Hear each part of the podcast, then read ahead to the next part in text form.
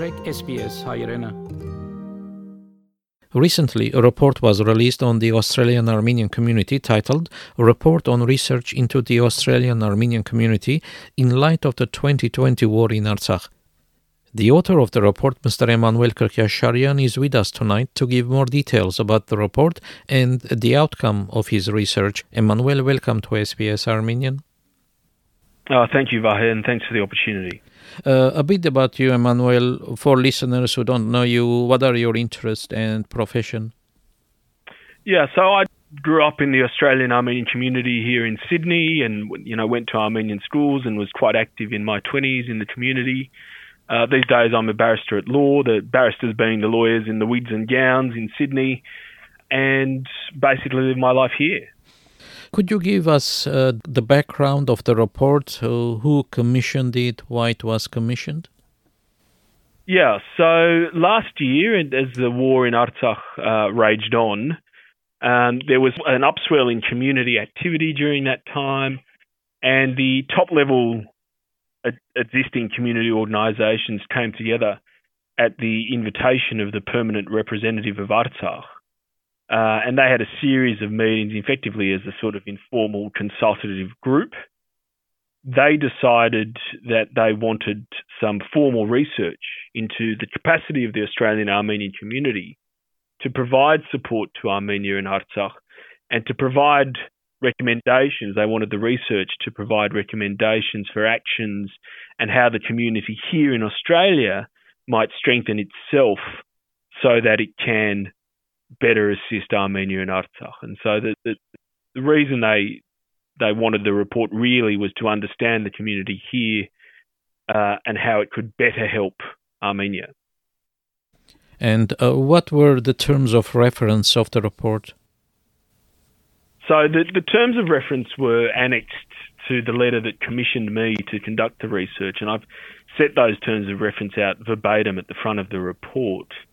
They included things like understanding who is an Australian Armenian, who who are we, where are we from, how are we going in terms of demographics, uh, and also understanding what the structures are in in the community, whether they are adequate, how they could be improved, and so on. So that's the general nature of the terms of reference, and as I've said, they're set out in the front of the report was there an understanding how the recommendations of the report would be implemented?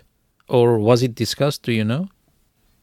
I look I don't know that there was a understanding about how they would be implemented or even if they would be implemented. I, I took this as the sort of the standard way that reports are commissioned by bodies such as this and that is uh, the research is conducted, the recommendations are made, and then consideration is given to whether or not any one of them or all of them will be implemented. So there wasn't any sort of undertaking that they would, but of course, if someone commissions or a body commissions research, obviously they want to know what the outcome of that is and, and consider it. Mm. Um, how did you work on the report? Uh, how did you gather the information for the report? How did you organize the information gathering? Did you have any help? I did. I, I was very lucky. Uh, uh so I, I, I, should say before I say that I, I put um, I took it effectively as that kind of classic barristerial brief to prepare a report that is it's not my views that are presented in the report, but rather the collection of evidence uh, and the application of sort of logical reasoning to that evidence to present some conclusions and to present some recommendations. I put together a small team to help me out. One of those people, Emma Marshall, is a fantastic, experienced social researcher who assisted me in many ways, including uh, in coming and talking to some of the people with whom I spoke, uh, and taking me down some lines of research that I otherwise might not have considered. And the other one was a young law student by the name of Noor Turanian, who helped me with a lot of research and some of the drafts. We wrote to the top level organisations, the ones who had commissioned me, uh, and asked them to provide lots of detail. We sent through a detailed survey. We invited them to meet with us and send representatives to a consultative committee, and regrettably, that committee was never formed. But we did meet with many of the leaders, and just like I mean, listeners might might be familiar with how inquiries are conducted and evidence is taken. Obviously, I didn't have any powers to force people, but we sat down and we spoke with the community leaders, asked questions, and took notes. But I decided to do it all anonymously. That is to say, without on the basis that we wouldn't ascribe things that we said that were said to us to particular people. And in that way, we got sort of honest and frank discussion from community leaders, for which I was very grateful. We also surveyed the community, both in sort of an online survey format, and we invited submissions and spoke to various experts, for example, a psychologist and so on. Um, and basically, we put all that together and, and drafted the report. So, your research was based on information from the Sydney community? Yes, for the most part, it was limited to the Sydney community. Uh, that was mainly because of resourcing issues. Um, I did look at how the community was operating in Victoria a little bit and also in Perth and South Australia, but really I, I wasn't in a position to draw conclusions about it uh, because of the resources that were available to me. Uh, but I, from what I understand from speaking to people afterwards, many of the issues are the same around the country, um, albeit less so in places where there are fewer Armenians because the community is smaller, obviously. Hmm. I think the reason is like uh, in Melbourne, most of the organizations, including the church, have their headquarters in Sydney. So yeah, that's right. Hmm. How helpful was the information from the Australian Bureau of Statistics? Look, I found that information fascinating. Um, it was helpful in the sense that it really diverged from what I expected it to do. Um, I expected there to be more Armenians identifying as Armenians, and that was that was quite a stark conclusion. Um, and it also really gave us what might be an understanding of the demographic trends in the community and the language and cultural trends in a way that really goes beyond what what anyone's qualitative opinions is. So, you know, many people might have taken the view that there were, you know, certain problems in the community and so on. We can actually see how they manifest. We can see the reduction, say, the practical reduction in the number of Armenian speakers uh, and so on. And hopefully that information will lead to some changes very quickly in how the community is operating. Mm. Uh, Emmanuel, as you mentioned before in your report, you also addressed uh, the identity issues.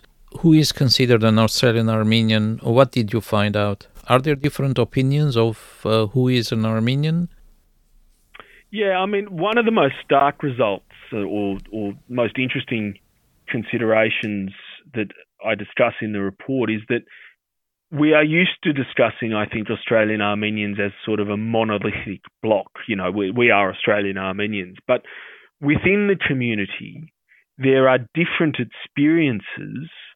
Uh, within the community in Australia, there are different experiences based on where people came from and where their ancestors came from. For example, an Armenian who came from, say, India has a very different experience, has a very different way of thinking and looking at the world than a than an Armenian that came as a genocide survivor, or as the descendant of a genocide survivor, or one that came from the Middle East, or one that has come from Armenia uh, and had lived in Armenia during the Soviet regime.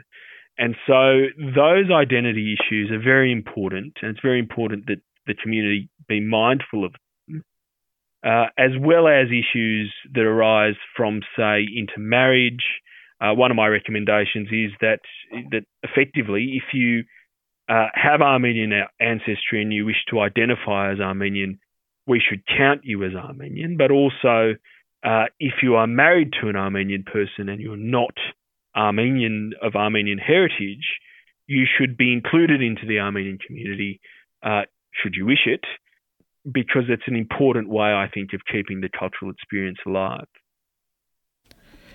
In your report, you speak regularly of uh, generational change. Uh, what are your recommendations on the change of guard, uh, very much needed in the community? Yeah, so I mean, one of the starkest things that I saw as I was looking at the different organisations was the difference between those that have affected generational change, for example, Homenetmen or Haitud, um, those organisations like that with, with their generational change tend to be way more active, tend to be more uh, engaging of members of the community and so on. Whereas organisations where the same people or the same groups of people have been running them for decade upon decade and they haven't had that generational change tend to be less active, to put it lightly, um, and in some cases, really disconnected from their constituents, as it were. So, my recommendations were that every organisation should publish, should, should firstly sit down and think about succession, uh, put together a succession plan, and um, then publish that succession plan, at least to their own members, but if not to the community at large.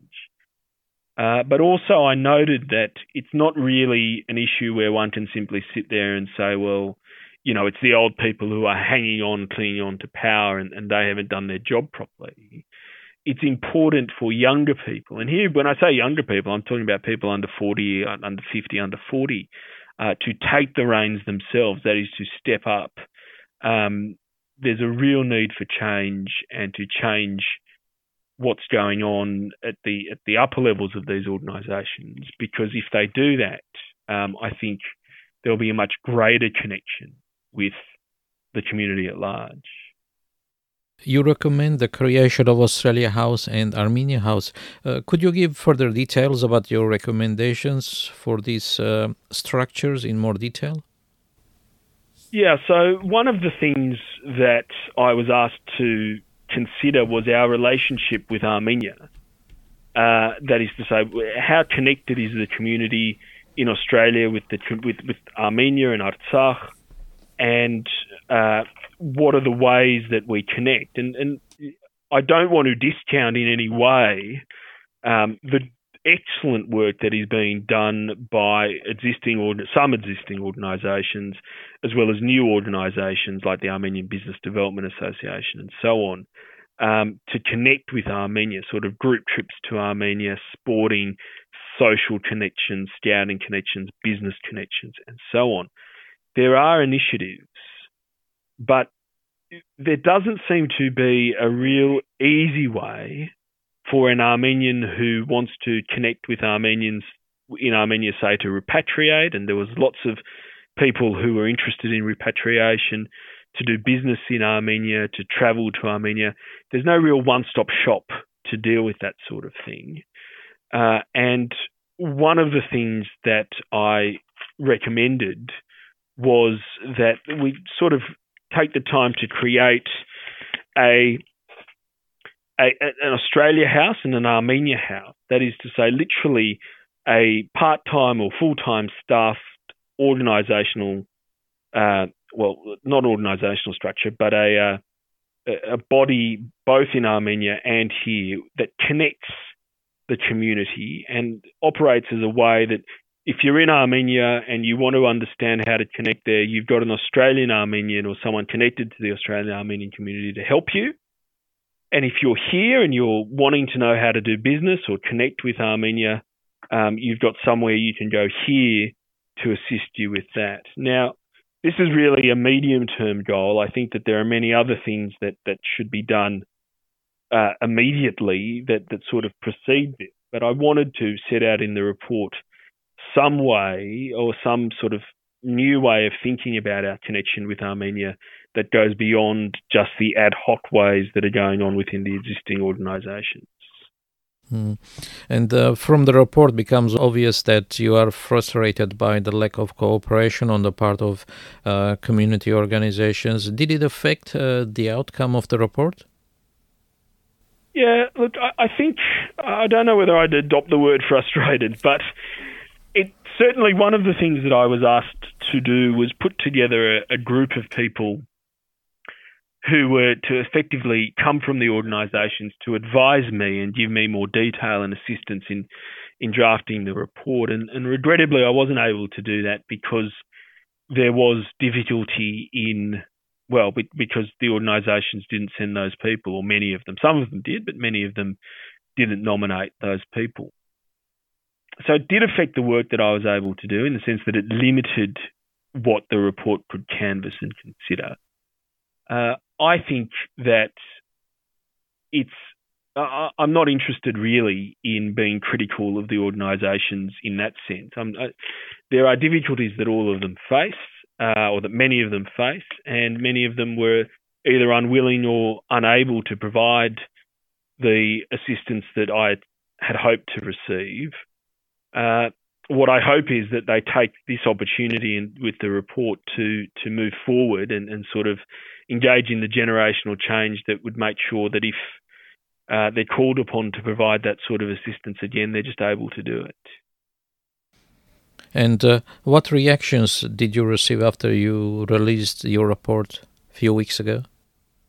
I think on, on the whole, the report has been well received. Be, before I published it to the public, I, I invited the organisations to give me any comments or criticisms uh, that I then published together with the report uh, as a short document. There's maybe really one or two clarifications of items. On the whole, it has been met well both by the community uh, and by the organisations. I, I, had a few individuals contact me to sort of thank me for saying it, which I was quite pleased to to hear because I think there's a sense that really the report is saying things that people have thought for a long time but haven't sort of had formally uh, on an evidence based way presented to them. Um, I understand the consultative group has met recently to discuss the report. I, I leave it to them to discuss what their responses to that will be and to advise in that regard. But um, on the whole, I, think the report has been well received. Hmm.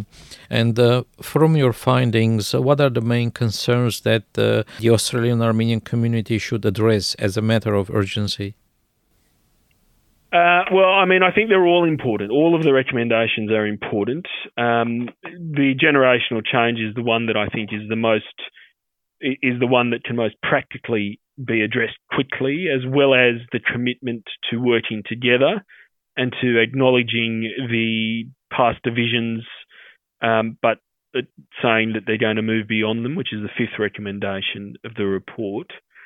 For my part, uh, and this is very much a personal part rather than, than sort of my professional opinion as the report writer, but the, the one that struck me the, ro- the most was the understanding of the psychological effects of genocide trauma in the community, how that affects us and how it continues to affect us is something that I think it's really important for every member of the community to consider, both on an individual and an organisational basis, because I think um, we really should be moving from a community that, that talks a lot about the genocide, which is undoubtedly very important, to being a community that transmits our culture, that that enjoys our culture and thrives in it, uh, rather than focusing on the negatives. And so that that for me is is the real one that that that struck me on a personal level. Thank you, Emmanuel, for the detailed information. Uh, I hope your recommendations would be widely discussed and implemented. Thanks, Vahe. Thanks for the opportunity to talk about it. I appreciate it.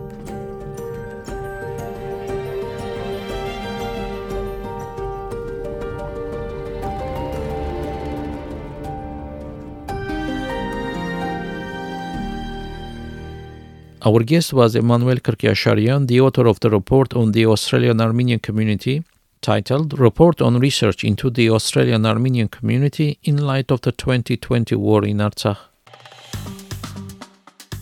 Հավնե, լայք, բաժնեկցե, դարձիկը թայտնե, հետևե SPS հայրենին թիմադեդի վրա։